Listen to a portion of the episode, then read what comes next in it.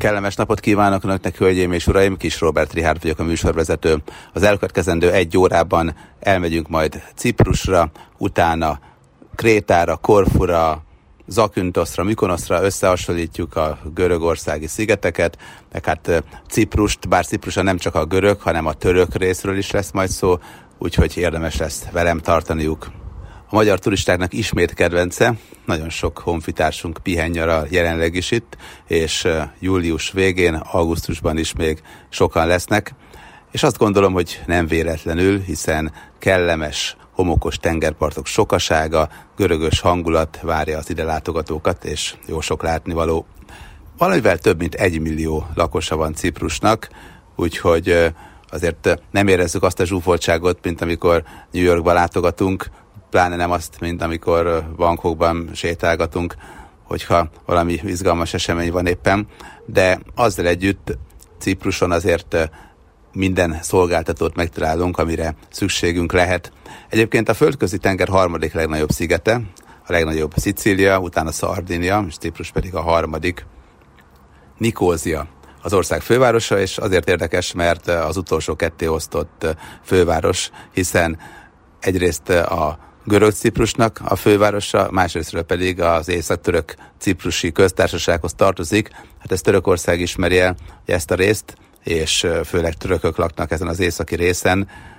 Emlékszem, hogy ez a furcsa államalakulat lényegében, amikor először Ciprusra látogattam, már ott állt, és a szöges drót kerítés választotta Nikózia közepén el lényegében a házakat is, tehát egy picit emlékeimből felderengett az, amikor Nyugat-Berlin meg Kelet-Berlin ketté osztva volt, és amikor már tizenéves fejjel, talán azt hiszem talán 16-17 évesen láttam ezt, akkor valóban ez mai napig benne van ez az élmény, és akkor is ott voltam már egyetemistaként, amikor meg lebontották már a falat, és pont átálltak nyugatnémet márkára, és emlékszem, hogy az apró pénz az ugyanannyit számított, úgyhogy két hét nyaralás alatt, amíg NDK-ban voltunk, csak aprót gyűjtöttünk, mert hogy utána azt nyugatnémet márkára tudtuk váltani. Minden esetre az is érdekes, hogy Cipruson van két Britanniához, Nagy-Britanniához tartozó rész is, Akrotiri és Dekélia, jelenleg ezek támaszpontok, brit támaszpontok, és hivatalosan nem része Ciprusnak. Csatlakoztak már 2008-ban az eurózónához, úgyhogy euróval tudunk fizetni. Ciprust a különböző görög törzsek népesítették be, aztán 1571-ben a törökök egy hatalmas flottával elfoglalták, és 300 éven át Törökország része, az oszmán birodalom része volt. Érdekes egyébként, hogy a törökök nem akarták áttéríteni más hitre a sziget lakóit, az volt számukra fontos, hogy az adókat megfelelő módon fizessék, és hát ez így is történt. Aztán 1878-ban az angolok foglalták el, a brit birodalom része lett, hát lényegében megegyeztek a törökökkel, tehát nagy harcok nem voltak. Nagy-Britannia hivatalosan bérbe vette a szigetet eh, az oszmán birodalomtól, aztán brit koronagyarmattá vált 1925-ben nagyon sokat harcoltak a brit fennhatóság ellen a második világháborút követően, ugye ekkor kezdődött a nagy gyarmatbirodalmak felbomlása. Végül Nagy-Britannia, Görögország és Törökország egyaránt megállapodott abban, hogy Ciprus független lehet, és a három hatalmi megbeszélések után végül 1960-ban Nikóziában aláírták a szerződéseket, és kinyilvánították Ciprus függetlenségét. De hát persze minden szerződésben azért az apróbetűs részt eh, is meg kell nézni, ezt jól tudjuk már a mobilos szerződésekből is.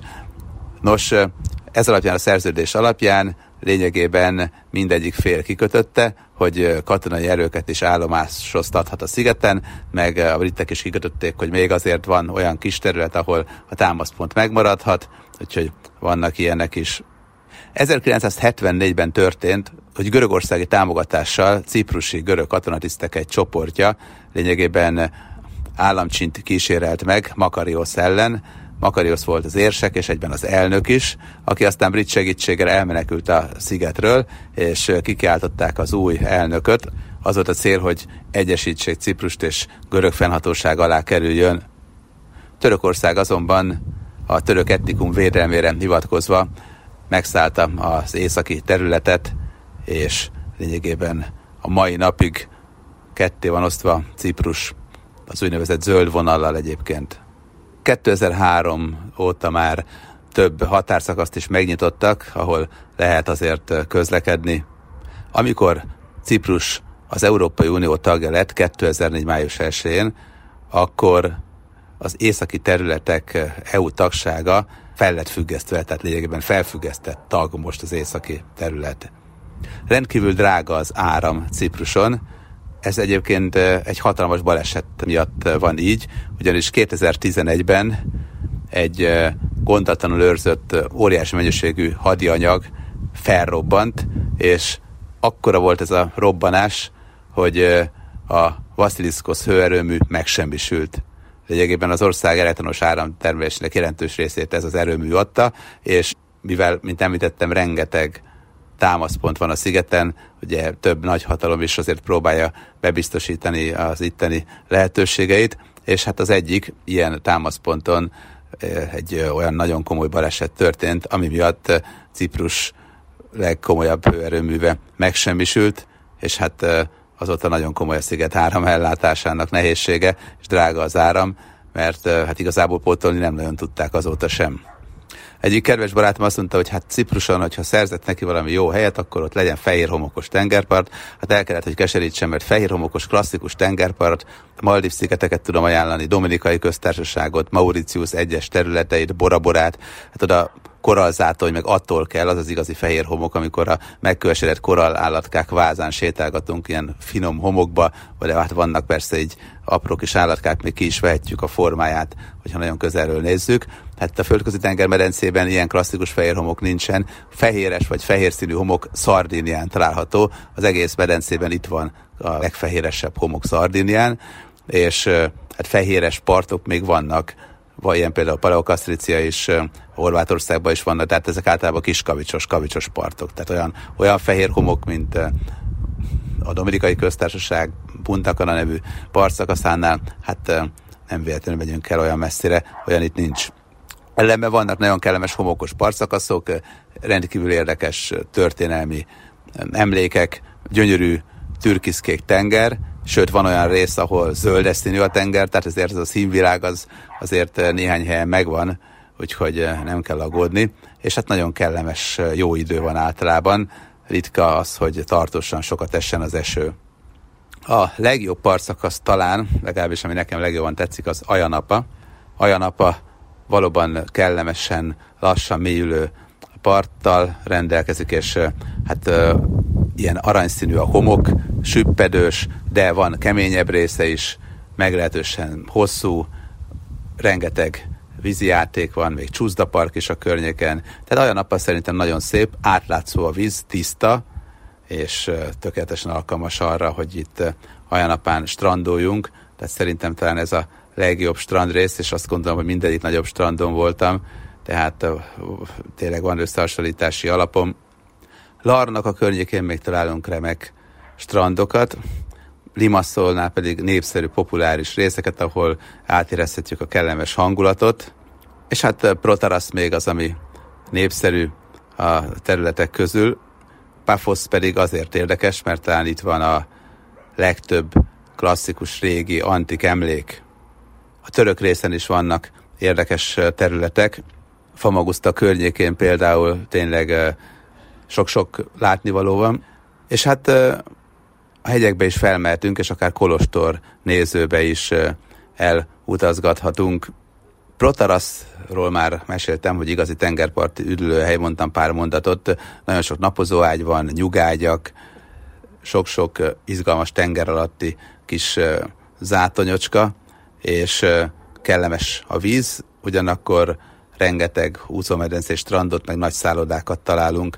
Este pedig komoly éjszakai élet van tehát tudjuk jól, hogy mi szeretjük ezt a Bibione Rimini éjszakai hangulatot, tehát a feleségem annyira nem én igen, de hogyha unblock magyarokról beszélünk, akkor mi szeretjük, magyar turisták többsége, és hát Protarasz éjszakai élete is eléggé pesgő, tehát ilyen téren érdekes. Larnaka pedig tényleg a környéke olyan, hogy három-négy jó strandot is találunk. Ugye ez nagyváros, tehát a repülőtérre minden nagyvárosi kellékkel, bevásárlóközpontokkal együtt, de érdemes megnézni a Szent Lázár templomot, vagy a Faneromeni templomot. Larnakában van egy sóstó is, de a környékén búvárkodni is lehet.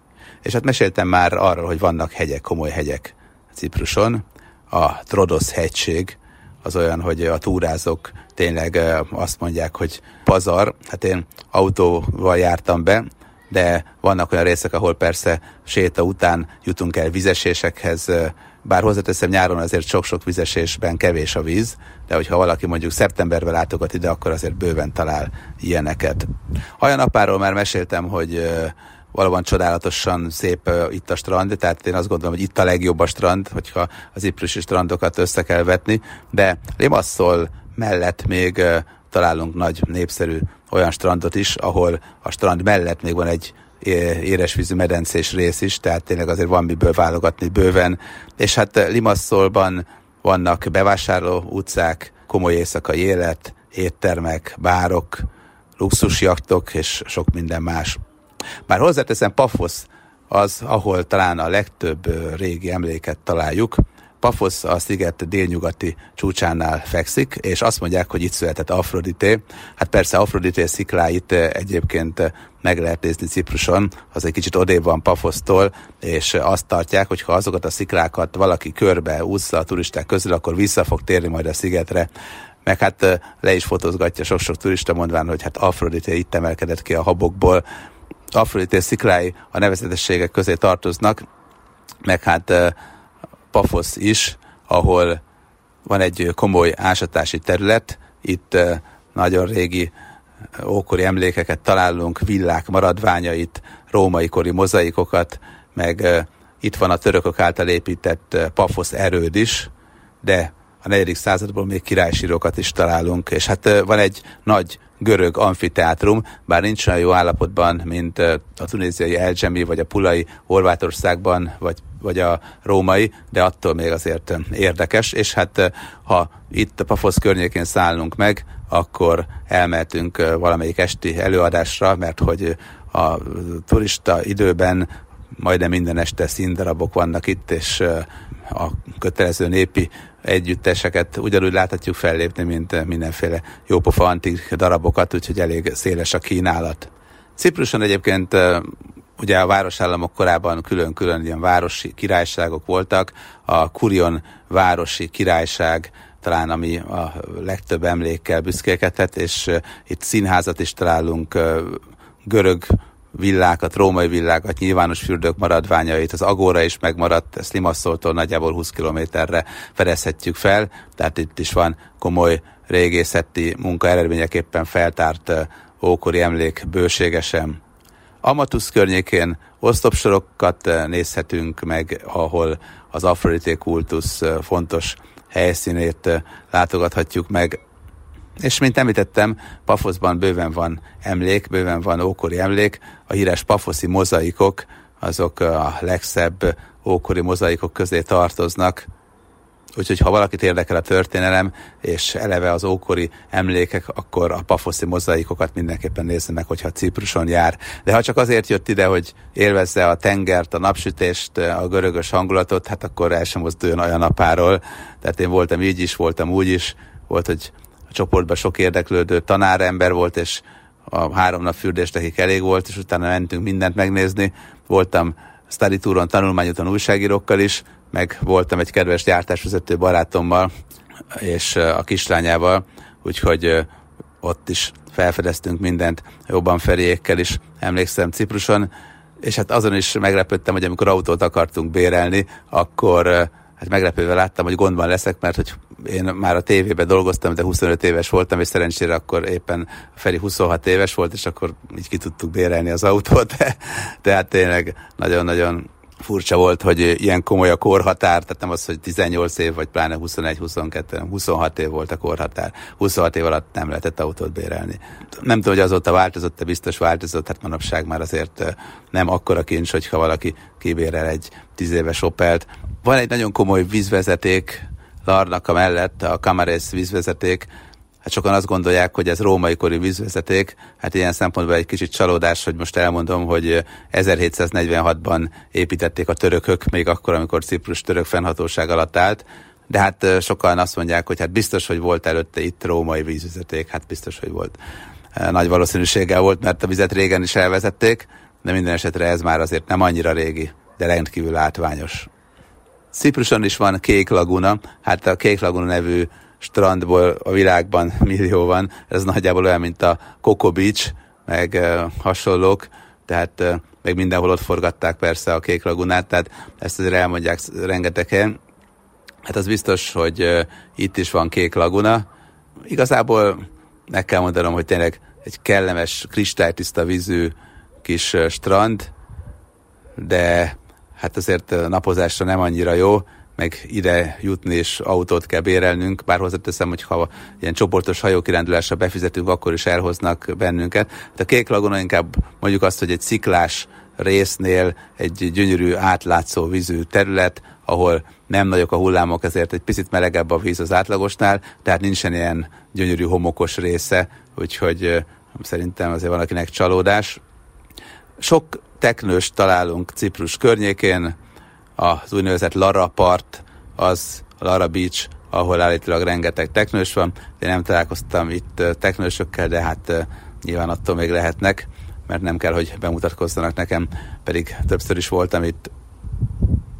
Lehet választani olyan partszakaszt is, ahol kicsit áll a víz és seké, van Pafosz környékén, és a gyerekeknek is jó. Afrodité sziklájáról már meséltem, nos hát lényegében a Pafosz és Limasszol közötti területen találjuk ezt az Afrodité sziklát, és valóban nagyon szép maga a látvány, ahol a helyi legenda szerint a szerelem istennője született. A körbeúszós legenda ellenére én azért ezt nem kíséreltem meg, mert tehát egy picit odébb van a parttól a második szikla, ahol úszogatni kell, de hát vannak olyan turisták, akik egyébként a szikla tetejére is felmásznak, és akkor ott készítik el a kötelező szelfit, hogy utána a közösségi média sztárjai lehessenek. Van egy nagyon érdekes hely Cipruson, ez a Makronissos.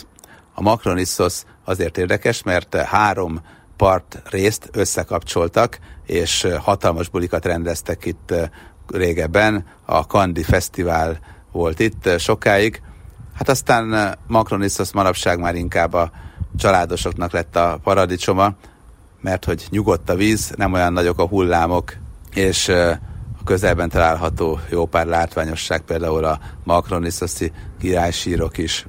Hát a nagy kedvencem az a Fügefa öböl, ennek több neve van, de Fügefa öbölként is ismerik ezt a helyet, mert hogy itt van egy nagyon-nagyon régóta itt lévő fügefa, állítólag már az 1600-as évek végétől van itt fügefa. Hát minden esetre sekély, kristálytiszta vízi azt képzenek el. Hát nem feltétlenül homokos, mert inkább ilyen kisebb sziklák vannak, de olyan sziklák, amiken még végig lehet sétálgatni. Hát inkább azt mondanám, hogy kövek. Tehát besétálhatunk a köveken, utána már a homokba megy a kis lábacskánk, sekély a víz, átlátszó, zöldeszínű, hát tényleg nagyon kellemes, de hát nem az a buli hangulatú beach, úgyhogy azért biztos, hogy van ennél jobb a világban, de Cipruson szerintem azok közé tartozik, amit bátran merek ajánlani azoknak, akik esetleg gyermekkel jönnek ide.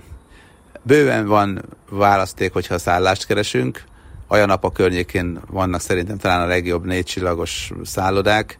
Tényleg itt ilyen nagy szálloda monstrumokat is találunk hatalmas úszómedencékkel, a partszakaszok közül vannak nagyon-nagyon jó részek, és a mellett szállodák, bár hozzáteszem az ilyen multihatalmas óriás szállodák közül nem mindegyiknél jó a part, viszont cserébe majdnem mindegyik épített óriás medencét, és hát azok meg jók.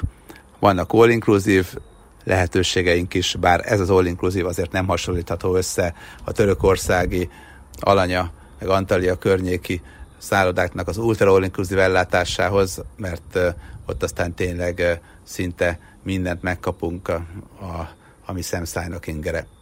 De ezek is jók attól még, meg hát ha valaki szereti a görög specialitásokat, akkor biztos vagyok benne, hogy nem fog csalódni. Ugyanakkor, hogyha olcsóbbra vágyunk, akkor tényleg találunk egészen kicsi kis szállodákat, vendégházakat, medencés kertes házakat, és mindenféle mást is. Bár hozzáteszem most, júliusban, augusztusban azért nehéz dolga van annak, aki még nem foglalta le a ciprusi nyaralását.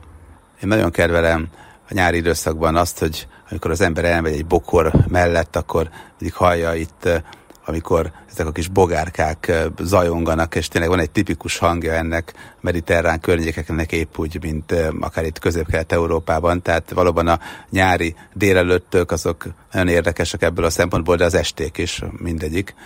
És hát természetesen nincs annál szebb, mint amikor üldögélünk az erkélyen, és onnan nézzünk szerte szét. Most Görögországgal fogjuk folytatni. Ciprusról már meséltem önöknek a műsor első felében, és most a második felében pedig megnézzük, hogy ha már Görögországba kirándulunk, akkor ha sziget túrára akarunk menni, akkor vajon mit érdemes felkeresni. Hát rengeteg görög sziget van, de tényleg hihetetlenül sok, és van, amit ugye az Abba című musical tett rendkívül népszerűvé, vannak olyan helyek, amelyek már korábban is népszerűek voltak, hát tényleg bőven lehet miből választani. Hogyha azt nézzük, hogy mivel lehet könnyen eljutni, vagy melyikre lehet könnyedén eljutni, akkor látjuk azt, hogy Magyarországról azért az utazási irodák kínálatában olyan csomagtúrákat kínálnak, leginkább amivel Krétára, Korfura, Rodoszra, Zakyntoszra elmehetünk, ugye most már Mykonoszra is, tehát viszonylag sok helyre el tudunk menni közvetlenül, és hát látjuk azt is, hogy még mindig Korfut szeretjük talán a legtöbben. Egyszer azt mondták nekem, hogy Korfu a legmagyarabb görög sziget, annyira mindenképpen igaz ez, hogy itt Sziszi kastélyát is megtaláljuk, és hát ilyen téren azért láthatjuk, hogy mennyire szerette kedvenc mitológiai hősét, Achilleuszt, Sziszi, és mindenhol megformáztatta az ő alakját, és hát volt dolga a szobrászoknak bőven. Tehát Sziszi kastély tényleg érdekes Korfun, Egyébként Korfuban az a jó, hogy vannak nagyon kellemes homokos tengerparti szakaszok, Szidari környékén, az északi területeken, vannak fehér kavicsos, egy kicsit keményebb vízű, hidegebb vízű, vagy a Paleokasztrica környékén keményebb részei, és hát vannak olyanok is, amik, ahol egy picit homokos, egy picit kavicsos a partszakasz, viszont igencsak jó a búvárkodási lehetőség, tehát valóban sok mindent választhatunk, meg hát Korfu nem kopár, tehát vannak buja ültetvények, és sokkal többet esik az eső, mint mondjuk Krétánál, de nyáron azért nem kell megijedni, általában úgy esik az eső, hogy mondjuk egy órát, fél órát maximum, tehát ritka az, hogy most három napig beborul az ég, és rossz az idő. Bár, hozzáteszem, voltam úgy már Korfun, hogy három napig esett, de voltam úgy már Törökországban is, hogy két napig esett. Nagyon ritka, nagyon ritka. A Maldiv szigeteken meg úgy, hogy amikor a nászutamról hazajöttünk, akkor aznap beborult, és hát az időjárás előrejelzés azt mutatta, hogy tíz napig nagyon szörnyű idő lesz, és egy kedves barátom még pont akkor érkeztek, és hát két nap múlva hazamentek, mert mondták, hogy hát a Maldiv szigeteken nem tudnak mit csinálni, hogyha rossz az idő, és hát szakadt ömlött az eső, és nem is volt kilátás arra, hogy jobb legyen az idő.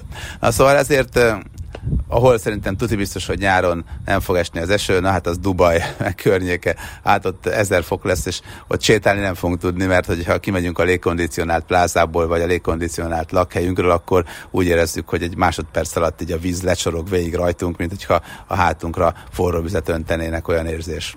Úgyhogy azt gondolom, hogy ilyen szempontból Korfu még nagyon kellemes, a klíma is jó, esténként jókat sétálgatunk, a velenceiek azok imádták Korfut, ezt a nevet is ők adták neki, hiszen eredetileg Kerkürának hívták, meg Kerkürának hívják a görögök a mai napig, és a kikötőt is még olaszos hatás jellemzi. Emiatt persze ez az éles stílus, amit hát mi magyarok azért kedvelünk, szeretünk, az éjszakákra is, az esti órákra is rányomja a bélyegét, úgyhogy nagyon kellemes itt sétálgatni esténként a fővárosban.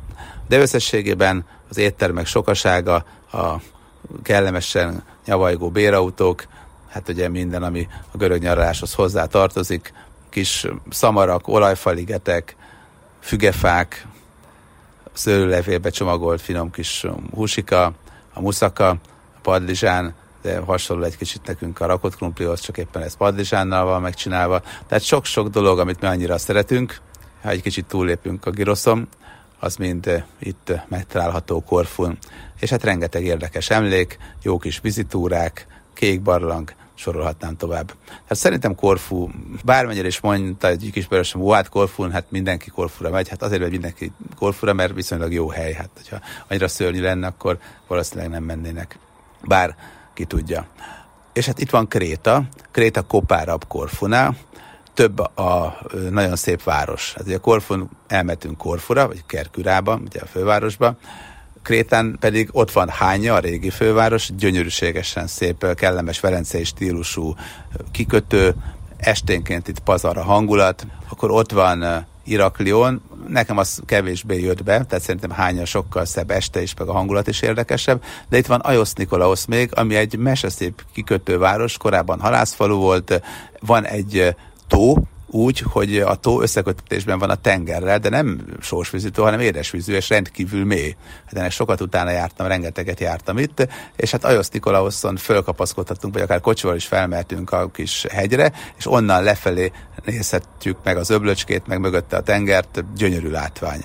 És sétálgathatunk persze a tengerparti kis utcácskákon, Szerintem Ajosz Nikolaos valóban mesebeli kisváros, és ez is ott van Krétán. Aztán Krétán elmertünk akár egy természetvédelmi területre a legkeletibb csücsökbe, Vaiba, ahol őshonos pálmafák is vannak, és itt lehet fürdeni is egyébként a természetvédelmi terület mellett, de hát ez eléggé nagy túra, tehát ha valaki egy hétre jön Krétára, akkor szerintem ne vállalja be, mert a végén még földúton is kell menni, és hát egyébként annyira nem nagy duranás de hát azért mondom, hogy mondjuk két hétig valaki itt van, akkor azért kalandozhat. Akkor elmehetnek Petrára, még a déli területekre, itt vannak barlanglakások, meg lehet nézni Zeus barlangját is, de hát most ez egy barlang néhány denevérrel, és igazából nem nagy durranás. Elmentünk egy fantasztikus hasadék túrára, és tényleg csináltunk egy olyan túrát, hogy lesétálunk egy hasadékba, alul sétálunk ott a amit a természet kivált azon a részen, és akkor a végén pedig hajóval elvisznek minket az eredeti kiinduló pontra, ahol vár minket az autóbusz.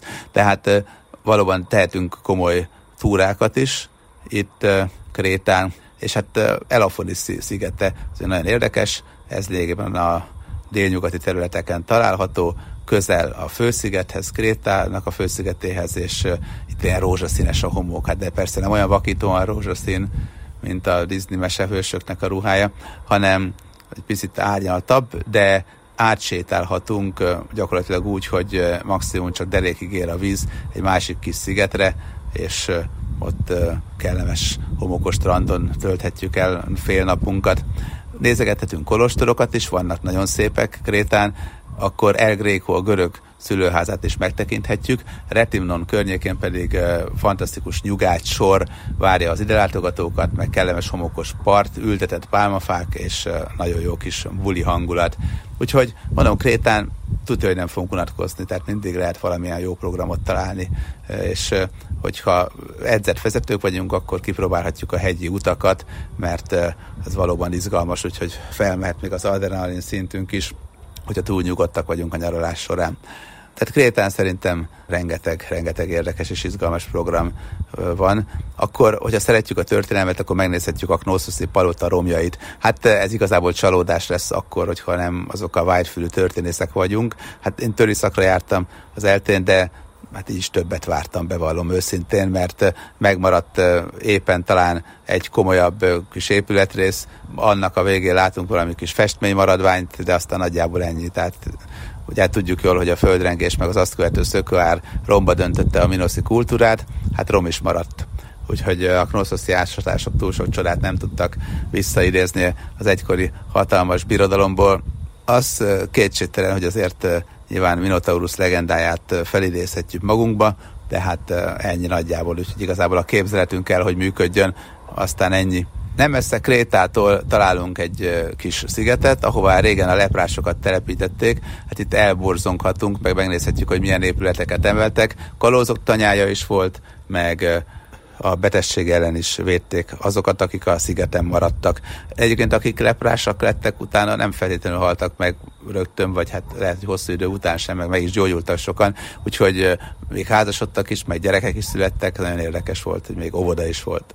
Korfu és Kréta mellett a harmadik nagyágyú Rodosz lett. Talán, hogyha megnézzük a magyar utazási szokásokat, meg az utazási irodák kínálatát, akkor Korfu és Kréta után Rodosz került fel először a palettára, és hát valóban azt gondolom, hogy más, mint Korfu, más, mint Kréta, mert hogy Rodoszon igazából másfajta látnivalók várnak minket. Itt van például a Heptapigész, a Hétforrás, itt van a Kaliszeurből, itt van a Faliraki Beach, de ezt már édesanyám emlékérnek szánt műsorban elmeséltem önöknek két hete, amikor anyukámmal együtt voltunk Rodoszon, hogy mennyi mindent felfedeztünk.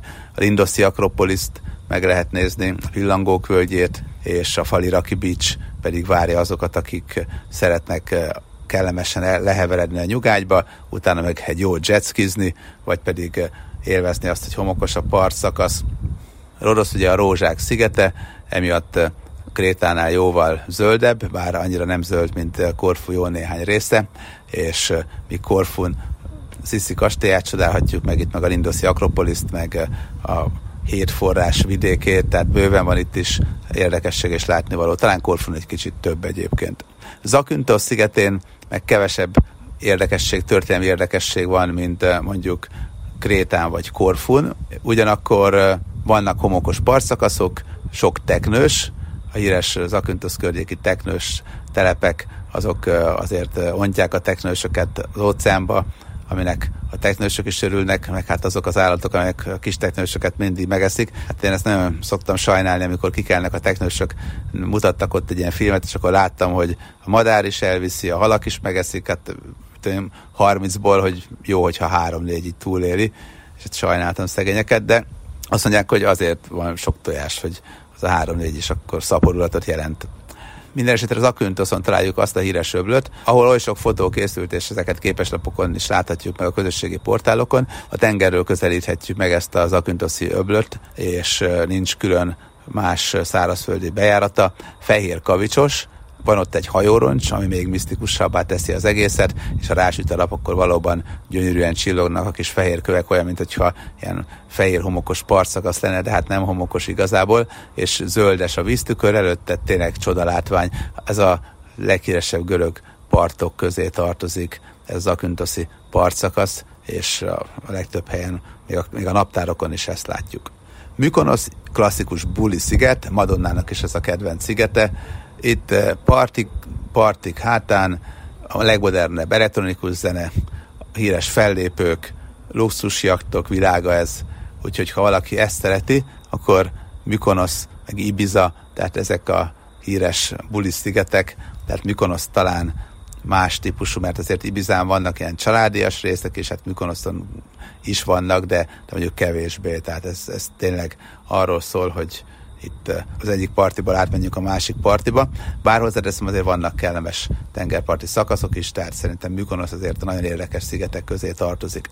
Santorini még nagyon érdekes, ide úgy is el lehet menni, hogyha valaki Krétán nyaral, és befizet egy hajótúrára, kora reggel elindulnak a hajók, aztán utána Santorinin választhatjuk azt, hogy szamárháton, választhatjuk azt, hogy felvonóval, vagy azt is, hogy autóbusszal megyünk fel a felső részre, mert hogy sokak szerint Santorini lényegében a legendás Atlantis, ez egy félbevágott hegynek a tetején találjuk Santorini szigeténél a település részt, és hát látjuk azt, hogy a földrengés hogyan vágta ketté a szigetet, és ettől érdekes az egész, mert hogy a ketté vágott résznél lényegében nagyon-nagyon meredek sziklafal van, és a sziklafal tetején meg ott vannak a kis fehérre mestelt házak kék tetővel. És ezek a fehér-kék házak lényegében egész Görögországnak is a jelképei, és ezek jelentős részben itt vannak Santorini, itt készülnek általában ezek a fotók, és akkor mögötte pedig a nagy szakadék, meg a mélykék tenger, és oda pedig a nagy hajók szépen lehorgonyoznak, aztán itt várakoznak, hogy majd visszamennek az utasokért, hogyha végeztek a Santorini városnézéssel. A felső szakaszon sok ékszerboltot is találunk, rengeteg tavernát, van strand is Santorini, tehát lemehetünk erről a sziklás részről egészen ugye a tenger szintjéig, de ilyen vulkanikus strand van, tehát még a cipőnk is fekete lesz, úgyhogy ez nem akkora élmény. Ugyanakkor jó pár ismerősöm mondta, hogy hát ők egy hetet ott voltak Santorini, mert hogy milyen csoda az, hogy egy olyan apartmanban laktak, hogy így lefelé látták a tengert, meg valóban az egész ilyen káprazatos volt, meg jól érezték magukat, hát a fürdés nyilván az nem olyan volt, mint amikor a Maldiv szigeteknél beköszön reggel a kis cápa. De Santorini tényleg a nagyon szép görög szigetek közé tartozik, úgyhogy azt gondolom, hogy mindenképpen akár egy hetet vagyunk itt, akár csak pár napot, azt nem fogjuk elfelejteni. Vagy akár úgy megyünk, hogy Krétáról, és akkor meg megyünk reggel, és aztán este, ha otthon is vagyunk, éppen naplemente után. Nagyon sokat meséltem önöknek különböző szigetekről, de azért a Halkidiki félszigetet se hagyjuk ki, tehát nem muszáj feltétlenül nekünk Görögországban szigetre menni, tehát sok más érdekes látnivaló van.